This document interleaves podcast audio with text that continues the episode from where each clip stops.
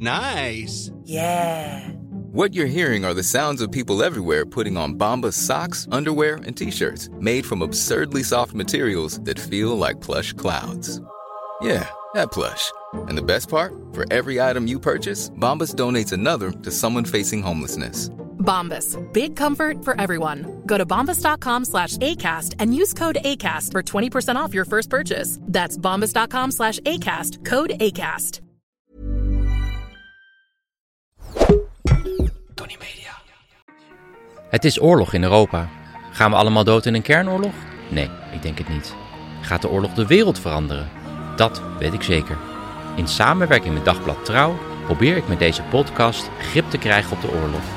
Hier houd ik je wekelijks op de hoogte van de situatie in Oekraïne en Rusland. Ik zag een meme langskomen op een Russisch Telegram-kanaal. En in die meme stond: 2024 wordt slechter dan 2023, maar beter dan 2025. Ja, als je er zo tegenaan kijkt, valt het altijd wel mee komende jaar.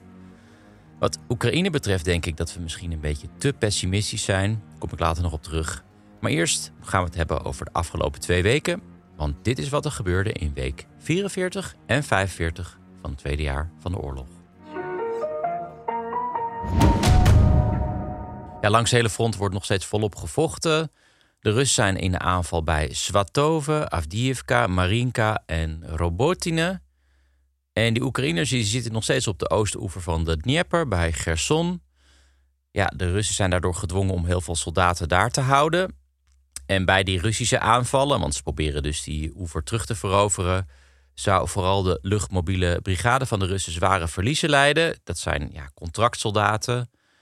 En aan het begin van de oorlog was dat nog echt een elite-eenheid. Maar op dit moment zitten daar heel veel onervaren jongens in, die zonder veel training in de strijd worden gegooid. Ja, en je ziet dat over het hele front druk wordt gevoerd op die Oekraïnse posities. Ergens wil Poetin een eh, overwinning boeken voorafgaand aan de verkiezingen in maart, lijkt het. En intussen is ook de raketoorlog nog steeds vol aan de gang. Rond kerst waren de Oekraïners in staat om vijf Russische straaljagers neer te schieten. Dat is echt opvallend veel en ook denk ik een gunstig teken. Want vaak zijn het deze straaljagers die raketten op Oekraïne afsturen. En ook bliezen de Oekraïners een schip op van de Russische marine in Sevastopol, het hart van de Zwarte Zeevloot. Het gaat om het schip de Novocherkassk. En op videobeelden was te zien dat er ook een grote tweede explosie was. Die dus niet veroorzaakt was door raketten, maar door iets aan boord. Vermoedelijk gaat het om een aantal eh, Shahed-drones.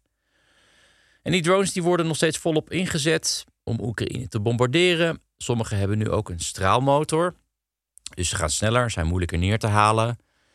En die aanvallen met raketten en Shaheds van de Russen wordt steeds uh, grootschaliger. Ik denk ook om die Oekraïnse luchtverdediging te overweldigen of in ieder geval uit te putten.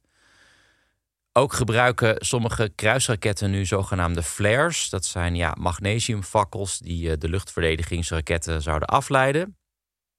Ook vannacht was er weer een grote aanval op Kiev, Kharkiv en ook op Lviv. Even om je een idee te geven, alleen vannacht al werden in totaal 118 raketten en Shaheds afgeschoten op Oekraïne. Dat zijn echt ongelofelijke aantallen, waarvan 10 kruisraketten door de verdediging eh, kwamen. Zowel Lviv als Kiev die zaten een tijdje zonder stroom en dat is eh, voor het eerst deze winter. Intussen in Rusland is Alexander Navalny, dus ja, een beetje de informele leider van de Russische oppositie, ja, die was een tijdje zoek en die is nu weer terecht. Hij stuurde een berichtje uit het hoge noorden van Rusland. Uit een strafkamp in de buurt van het stadje Garp. En ja, bij Garp in de buurt daar wonen de Nenets. Dat is ja, de oorspronkelijke inheemse bevolking daar. Van oorsprong zijn dat rendierhouders. Later is het gebied bezet door de Russen. En ja, ik heb daar ooit een reis gemaakt en dat was echt heel erg deprimerend. Want die nomaden die zijn door de communisten uit hun uh, ja, tenten gehaald en in huizen gestopt. En daarmee al hun nomadische tradities uh, kwijtgeraakt. Ja, en dan ga je maar gewoon zuipen. Dus ik zat daar een week bij een rendierbrigade. En ja, gewoon de hele week was geen enkele van die nenets uh, nuchter. Hoe dan ook, op deze plek zit Navalny nu zijn straf verder uit. Daar hoog boven de poolcirkel. Hij grapte al: Ik ben jullie nieuwe kerstman. Gaan we door naar de Russische media.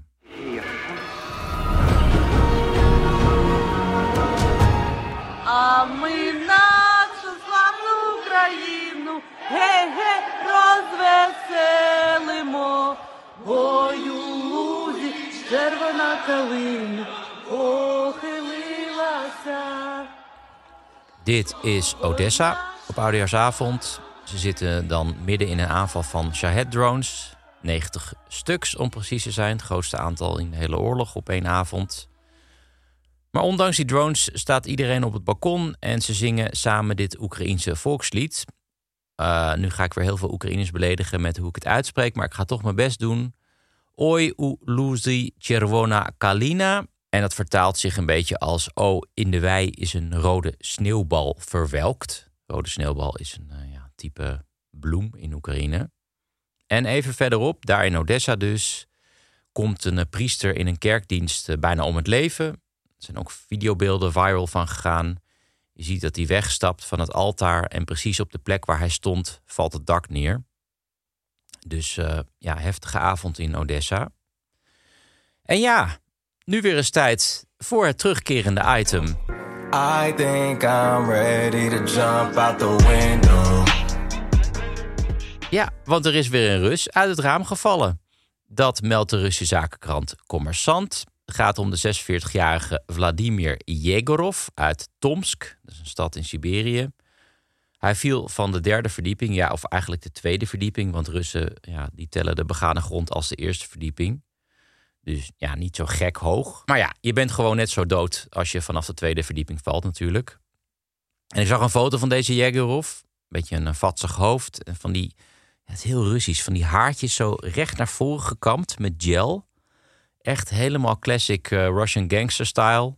Waarschijnlijk had hij ook tattoos op zijn vingers en uh, gekleed in een trainingspak. Vaak dan ook wel toch weer gecombineerd met zwarte leren puntschoenen. Toen hij dus op dat moment uit het raam viel. En ik denk ook misschien wel in bezit van een zwarte Mercedes Jeep. Dat is echt uh, ja, de go-to auto voor uh, de Russische maffia. Ik heb trouwens wel eens gehad dat ik op een terras zat. was ergens in de Caucasus. En ik zag dat zes van deze jeeps... die stopten bij de plek waar ik koffie zat te drinken.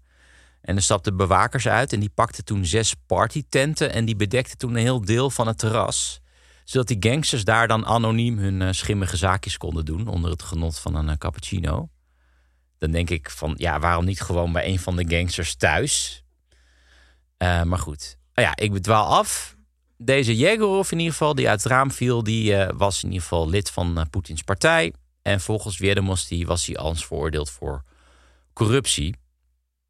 Verder een schandaal in de Russische popwereld. Die kennelijk in een soort parallel universum leeft. Want terwijl Rusland verandert in een soort van Iran met sneeuw, uberconservatief land, zelfs regenbogen op de televisie worden gecensureerd. Ja, werd er een heel wonderlijk feestje georganiseerd. En dat gebeurde door presentatrice Anastasia Ivleeva. Ja, zeg maar de Annegien Steenhuizen van Rusland. Die had rond de kerstdagen een bijna naaktfeest georganiseerd. Waar iedereen, nou ja, ja bijna naakt op kwam dagen natuurlijk. Waaronder Filip Kirkorov, zeg maar de Russische Gordon. Die gast is echt zo gay als Christmas. Maar tot nu toe had hij daar om een van de reden nooit problemen mee eh, gehad. En ook was er de populaire Russische rapper Vakio. Hij had alleen maar een sok aan. Nou, dan kan je verder wel raden waar hij die aan had. Het gaat trouwens om een sportsok van het merk Balenciaga. En ja, dat in, dus in een land waar twee mannen niet eens tegelijk een ijsje mogen eten op een foto, want dat is uh, homopropaganda.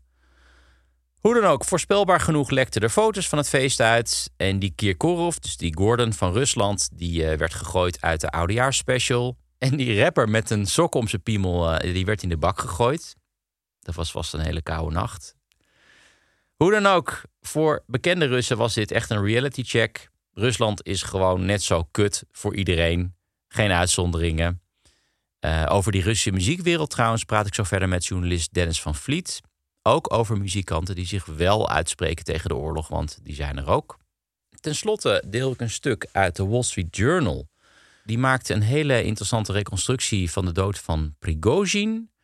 Volgens de krant zou Nikolai Patrushev, de secretaris van de Veiligheidsraad, achter die dood zitten. Patrushev, ja, is echt wel een fascinerend figuur hoor. Is echt een knettergekke hardliner in het Kremlin. Eerder dit jaar had hij een interview in uh, Izvestia, een Russische krant. En in dat interview zei hij dat Amerika Rusland binnen wil vallen, omdat de Verenigde Staten binnenkort onbewoonbaar zijn door een enorme vulkanische uitbarsting in Wyoming.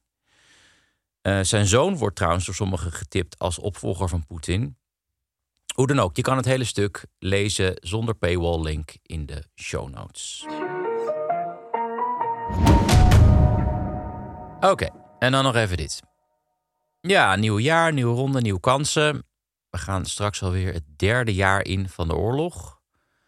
Tijd om een beetje ja, pas op de plaats te maken en een beetje te gaan kijken hoe die oorlog zich het komende jaar gaat ontwikkelen. Voor zover dat kan natuurlijk, want het blijft natuurlijk een beetje gissen.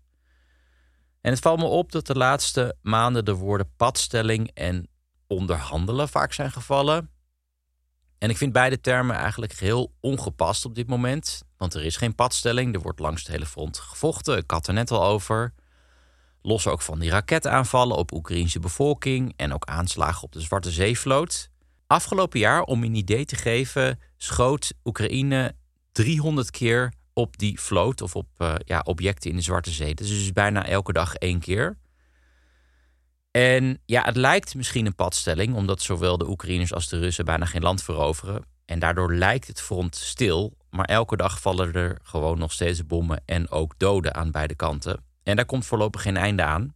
En beide kanten hebben op dit moment ook, denk ik, geen enkel belang bij onderhandelingen. In Oekraïne is geen enkel draagvlak om uh, gebieden op te geven. En Poetin heeft in ieder geval tot aan de verkiezingen geen enkele behoefte aan onderhandelingen. Dus ja, 2024 zal hoogstwaarschijnlijk gewoon meer van hetzelfde zijn. Dus veel vechten terwijl het front stabiel blijft. Ik denk ook dat technologie een nog grotere rol gaat spelen. Dat betekent nog meer drones, maar ook nog meer elektronische oorlogvoering. Dus bijvoorbeeld GPS-jammers om het werk van de drones te belemmeren. En Oekraïne maakte vorige week ook bekend dat ze de productie van huisgemaakte drones willen verhogen van 50.000 vorig jaar, dat is al best wel veel, naar 1 miljoen in 2024. En uiteindelijk draait alles gewoon eigenlijk maar om één vraag. Namelijk, zijn beide kanten voorbereid op een oorlog met lange adem? Dat lijkt Rusland nu eigenlijk beter te doen. Die draaien nu helemaal op een oorlogseconomie. Tegelijkertijd is het steeds lastiger voor de Russen om inkomsten binnen te krijgen van olie en vooral van gas. De gasinkomsten afgelopen jaar was maar 1 achtste van de inkomsten voor het begin van de oorlog. Dus die export naar China, waar Rusland het hele tijd over heeft, is absoluut niet genoeg om te compenseren voor het verlies van de Europese markt. Ja, en dan aan de andere kant, ja, de steun van de Verenigde Staten is onzeker. En na de verkiezingen in november is dat natuurlijk helemaal onduidelijk. Maar ook in Europa wordt een spannend jaar. Je hebt de verkiezingen in Frankrijk. Uh, in de peilingen is Marine Le Pen daar aan de leiding. Dat is natuurlijk een vriendinnetje van Poetin. Ja, en ik denk op een gegeven moment wordt een soort van ja, tipping point bereikt. Als Europa de strijd in Oekraïne niet meer ziet als cruciaal voor de veiligheid van heel Europa. En ja, ik denk dat dit jaar echt een sleuteljaar wordt. Niet alleen voor Oekraïne, maar ook voor de toekomst van Europa. Heel inspirerend vond ik een eh, bericht uit Denemarken. Uh, waar de regering een verlaten artilleriefabriek heeft opgekocht. En binnenkort worden daar weer granaten gemaakt. Voor het eerst sinds het eind van de Koude Oorlog. Je weet wel, toen het eind van de geschiedenis werd afgekondigd. Bij mij aan de lijn is Dennis van Vliet. Hoi Dennis. Ja, hallo, hoi. Hoi.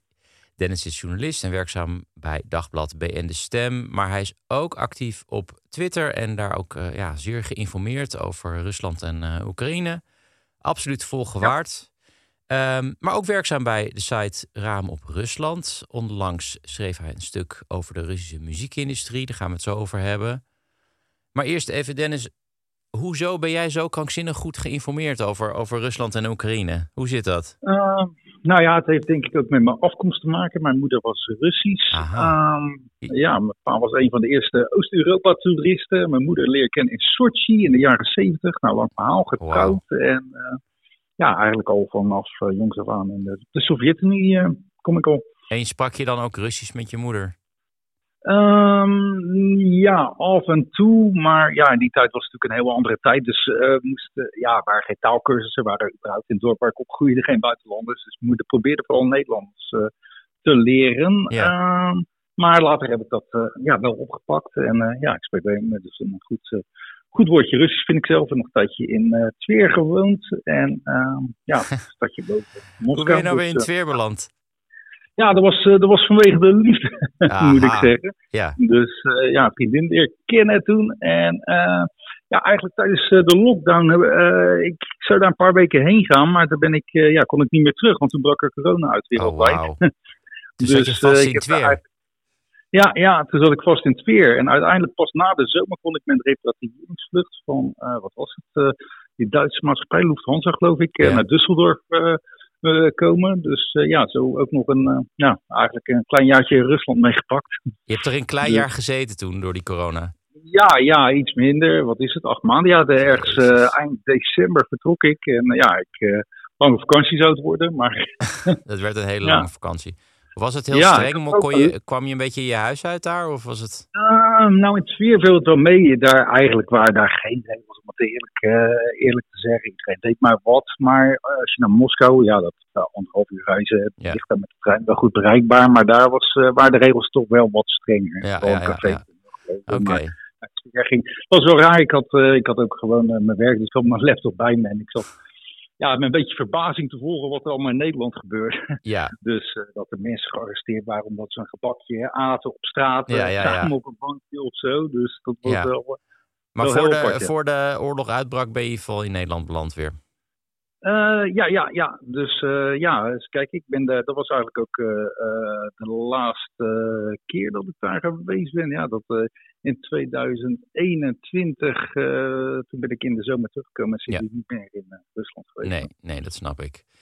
Hey Dennis, we gaan het hebben over muziek. Eh, ik had het eerder in de podcast over het ja, fameuze bijna naaktfeest in, in Moskou voor de kerst. Wat ik zo fascinerend vind is dat ze het überhaupt hebben georganiseerd. Ik bedoel, je zou toch kunnen denken van die foto's gaan uitlekken. ehm, we krijgen hier gezeik mee. Snap jij dat nou? Ehm, ik was in die zin ook wel verbaasd, maar ik denk dat er ook een soort ja, arrogantie was. Het waren ook wel nou, artiesten die, eh, die aanwezigen, die wel goed op goede voet stonden met het Kremlin. Hè, eh, die daar was, eh, Mhm. de vermeende peetdochter van Poetin, Mhm. Kirkorov. Dat ja, is ondanks alles een zeer gevierd volkszanger, maar ja, Mhm. die is opeens gecanceld door heel deze ellende. En ik dacht echt dat zij hebben gedacht van, nou, ons maken ze niks, dus dat kunnen wij wel maken, maar we zitten in onze eigen bubbel. we zitten in onze eigen bubbel. En eh, ja, we, zijn altijd, eh, we komen altijd opdraven als er een feestje is van Kremlin. Of eh, op de staatstelevisie als er wat gevierd moet worden. Dus ons laten ze wel met rust. Maar Ja. dit viel echt totaal verkeerd. ja, ook bij de tv-propagandisten. Dus ik denk Ja. dat deze mensen, ja, hun carrière wel voorbij is. Dat zou heel goed kunnen. Ehm, Dan gaan we het even hebben over je eh, stuk. En dan wil ik eigenlijk beginnen door eh, naar een stukje te luisteren. Laten we even luisteren.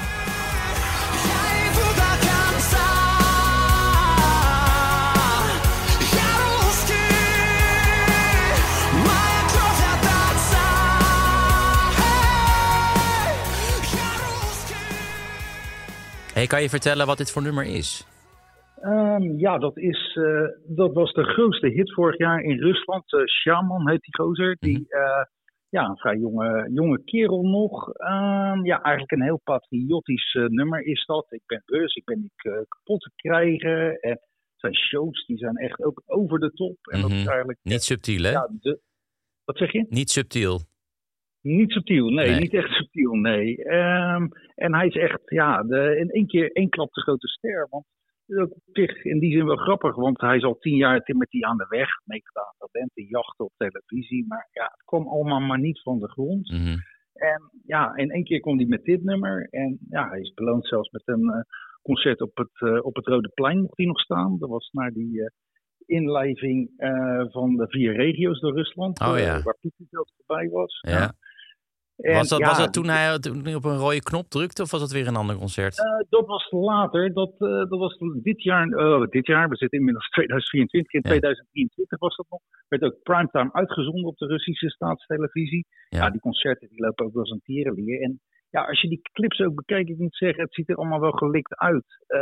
Ja, een concert van Ramstein doet er voor onder, om het zo maar te zeggen. Met eh uurwerk en vreemde kostuums heeft hij aan. Ja. Militaristisch. Het, eh, Het zijn Ja, flinke, het flinke budgetten. wa- Waarbij ik me ook dan gelijk afvraag: ja, is dit gewoon een Kremlin-project of ligt het wat subtieler? Is het gewoon nu het goede moment voor hem om, eh, om door te breken? Ehm, ik denk, ja, het Kremlin-project, dat is moeilijk te zeggen. Mhm. dat, eh, Om te kunnen niet bewijzen. maar Ja. Hij heeft wel het eh, goede moment gekozen. Ik bedoel, ja, buitenlandse artiesten die treden daar eh, niet meer op. eh, dus er is sowieso al minder aanbod. Andere artiesten die hebben eigenlijk de vlucht genomen naar, eh, naar het buitenland. Omdat ze zich uitspraken tegen de oorlog. Mhm. Ehm, dus ja, er blijft niet zoveel meer over als je een echte act wil bezoeken. En Shaman en zijn producers die zijn er wel goed, eh, ja, goed eh, ingesprongen in die trend. Ja. En het is eens vaker geprobeerd van dat soort ja, patriottenpop wordt dat wel eens genoemd. Mhm. Maar ja, in het, voor, eh, in het verleden was dat een beetje knullig. Waren meidengroep die zingt ik wil een man als Poetin en dat soort dingen. Dat, Ja. eh, eh, dat was eerder lachwekkend. Maar dit is, ja, het klinkt eh, de kracht, dynamiek. Dus ja, echt muzikaal gezien, ik begrijp wel waarom. Waarom, waarom waarom dit- dit aanslaat. ja. Maar misschien is het gewoon hooguit een soort van zelfcensuur. Van, nou, ik ga gewoon mee in, in deze trein, want anders, ja, anders word ik gecanceld misschien. Ja, dat zou, eh, dat zou ook goed mogelijk kunnen ligt. zijn. Ik- Eh, je noemde het Ja. al, hè? eh, andere muzikanten die, ja, die vertrekken gewoon. Ehm, eh, waaronder de Russische rapper Face. Ja. Face had een, een album in 2018. Su- super populaire rapper overigens in, in Rusland. Mhm. 2018 had hij het eh, album Puti Nispavedimi. Als ik het goed eruit spreek. Onpeilbare. Ongeveer, ja, ja. wegen. Ongeveer Ja. goed uitgesproken. Zeg maar gewoon ja, dan eh weten de Ja, ja. luisteraars veel. Nee, een grapje. Ehm album uit 2018. Waar gaat dat album over? Eh, ja, dat was 2018. Hij was daarvoor al ehm, ja, eigenlijk wel populair aan het worden. En dat was echt een beetje rapper op, eh, nou ja, een beetje Amerikaanse teksten, om het zo maar te zeggen. Hè, over, hè, over drugs, over, over seks en dergelijke. En 2018 ging hij toch op een andere tour. En ja, was er eigenlijk ook kritiek eh, op het Kremlin. Eigenlijk vooral kritiek op het Kremlin. eh, daarop. En dat ging dan, ja, hij omschreef een beetje als hij al vanaf kind af aan in een soort grote gevangenis leeft. En Mhm. op zijn hielen wordt gezeten door de autoriteiten. En hij zingt ook op een dag zal ik wraak nemen. Een Hmm. nationaliteit vind ik een heel mooi, persoonlijk een heel mooi nummer, wel een treffend nummer. En Ehm, dat kon toen en- gewoon toen nog, hè? Ik bedoel, er was best veel mogelijk toen. Ja, het, was ook wel populair, werd ook wel vaak gestreamd. En ehm, ja, er was wel een soort tegenreactie kwam er ook op. Er waren ook een soort pro- pro-Kremlin rappers die, die deden het aanvankelijk ook minder goed. eh, hun nummer, ja, die haalden veel likes, maar dan vooral dislikes. Op YouTube in een dag was dat, eh, ehm, ja, geloof ik, meer dan een miljoen keer eh, had hij een duimpje omlaag gekregen. Dus dat Timothy, toch, was dat? Ja, ja, Ja. klopt, ja. Ja. En die is nu eigenaar van eh, de restanten van Starbucks. Oh, die heeft wel verdomd, ja. promotie gemaakt. Ja. Ja, die is lekker gebleven. Die heeft zijn ziel verkocht aan de duivel. Die zit nu lekker Ja. koffie te maken. Feest intussen zit, eh, zit in het buitenland. Ehm, maakt hij nog muziek? Wat doet hij nu?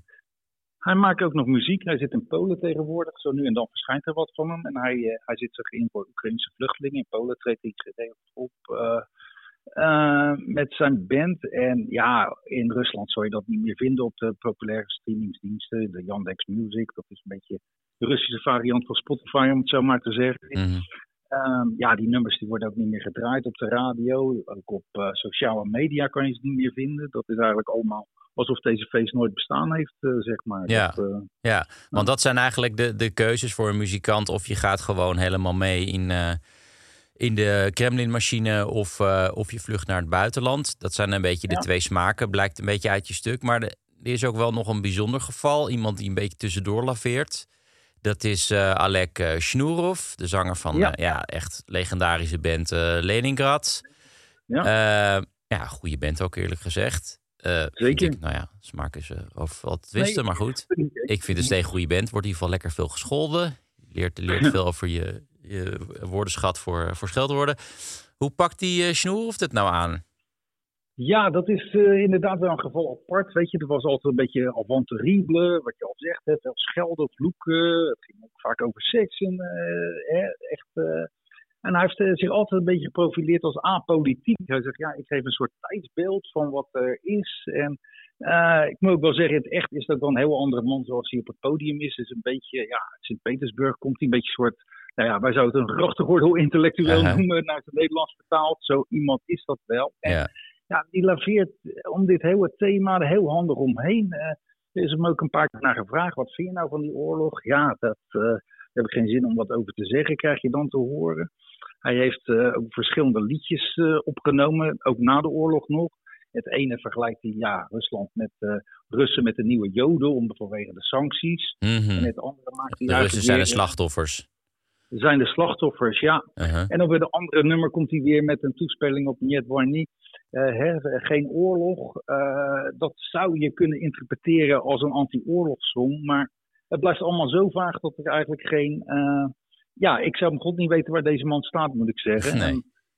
het, ja, het legt hem in die zin geen windeigen, want daar wordt nog wel gevraagd op, ja, op de Russische televisie, op de Russische ja, radio. Die kan voorlopig nog, nog optreden. Hey, um, nog even iets heel anders, Dennis. Want uh, we zitten nu aan het begin van het nieuwe jaar. Um, ik heb zelf ook in, in een podcast uh, even vooruitgeblikt op... Ja, dat is moeilijk altijd te voorspellen hoor, hoe zo'n oorlog uh, verloopt. Um, maar hoe kijk jij naar het komende jaar? Hoe, hoe zie jij het voor je, hoe die oorlog zich gaat ontwikkelen? Dat is een hele goede vraag. Ja, wat te begin het jaar is ingeluid, dat heeft mij werkelijk weer aan alle kanten geschrokken. En ik denk Met die raketaanvallen. Ja, de raketaanvallen op Kiev, op Kharkiv. Uh, dat, ja. Uh, ja, dat uh, ik denk onderhandelingen zoals wel wordt uh, geschreven. Poetin zou openstaan voor onderhandelingen, meldde de New York Times laatst. Ja, ja dat maar geloof ik toch niet. Dat, ja, nou ja, nee. jij zegt het, jij zegt luid en duidelijk. Nee, mm-hmm. ik denk dat het een heel zwaar jaar wordt en veel zal toch afhangen van onze steun in het, in het Westen en of we bereid zijn ja, Oekraïne te helpen. Maar ja, het, uh, het, zal een heel, uh, het zal een heel zwaar jaar worden. worden. Ik, uh, ja. Um, ja, het enige, voor, het enige voordeel wat ik zie is, ja, die Russen hebben verder ook niet echt een plan. Er is een soort padstelling ontstaan daar aan het front. Wat willen ze daar verder gaan doen? Wat willen ja. ze daar verder bereiken? Dat, dat zie ik misschien als het lichtpuntje. Als ja, Oekraïne meer en sterkere wapens krijgt, dat we daar toch die Russen mee kunnen verjagen. Dat, ja, ja. dat nou ja, Klopt, maar, één ja. ding staat vast. Het wordt gewoon een heel belangrijk jaar. Uh, misschien wel een sleuteljaar voor de, voor de oorlog. Um, Dennis van Vliet, dank je wel voor het uh, gesprek. Uh, uiteraard zet ik een link naar je stuk van Raam op Rusland in de show notes. Dank je wel. Oké, okay, dank je wel. Tot ziens. Dat was het voor deze week. Ik ben er weer over twee weken. Voorlopig maken we de podcast elke twee weken. We zoeken nog adverteerders voor de podcast. Geïnteresseerde bedrijven kunnen een mailtje sturen naar adverteren.tonnymedia.nl. Tony is met een Y. Ik ben er dus weer 16 januari. Tot dan.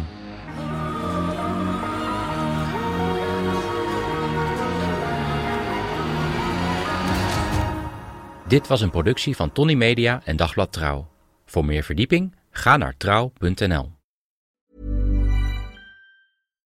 Ik heb geen idee waar je naar geluisterd hebt, maar misschien een goede tip om nog meer tijd te vermorsen. Luister eens een keer naar de Snopcast, waarin ik, Jort Kelder en mijn goede vriend Ivo van Rechteren Altena alles bespreken wat het leven draaglijk maakt zonder enig praktisch nut. Met uiterst overbodige snobjecten als ja, een machientje om je tandpasta uit te rollen, een ski natuurlijk van Bentley of een Kashmir springtouw. Jazeker, de Snopcast.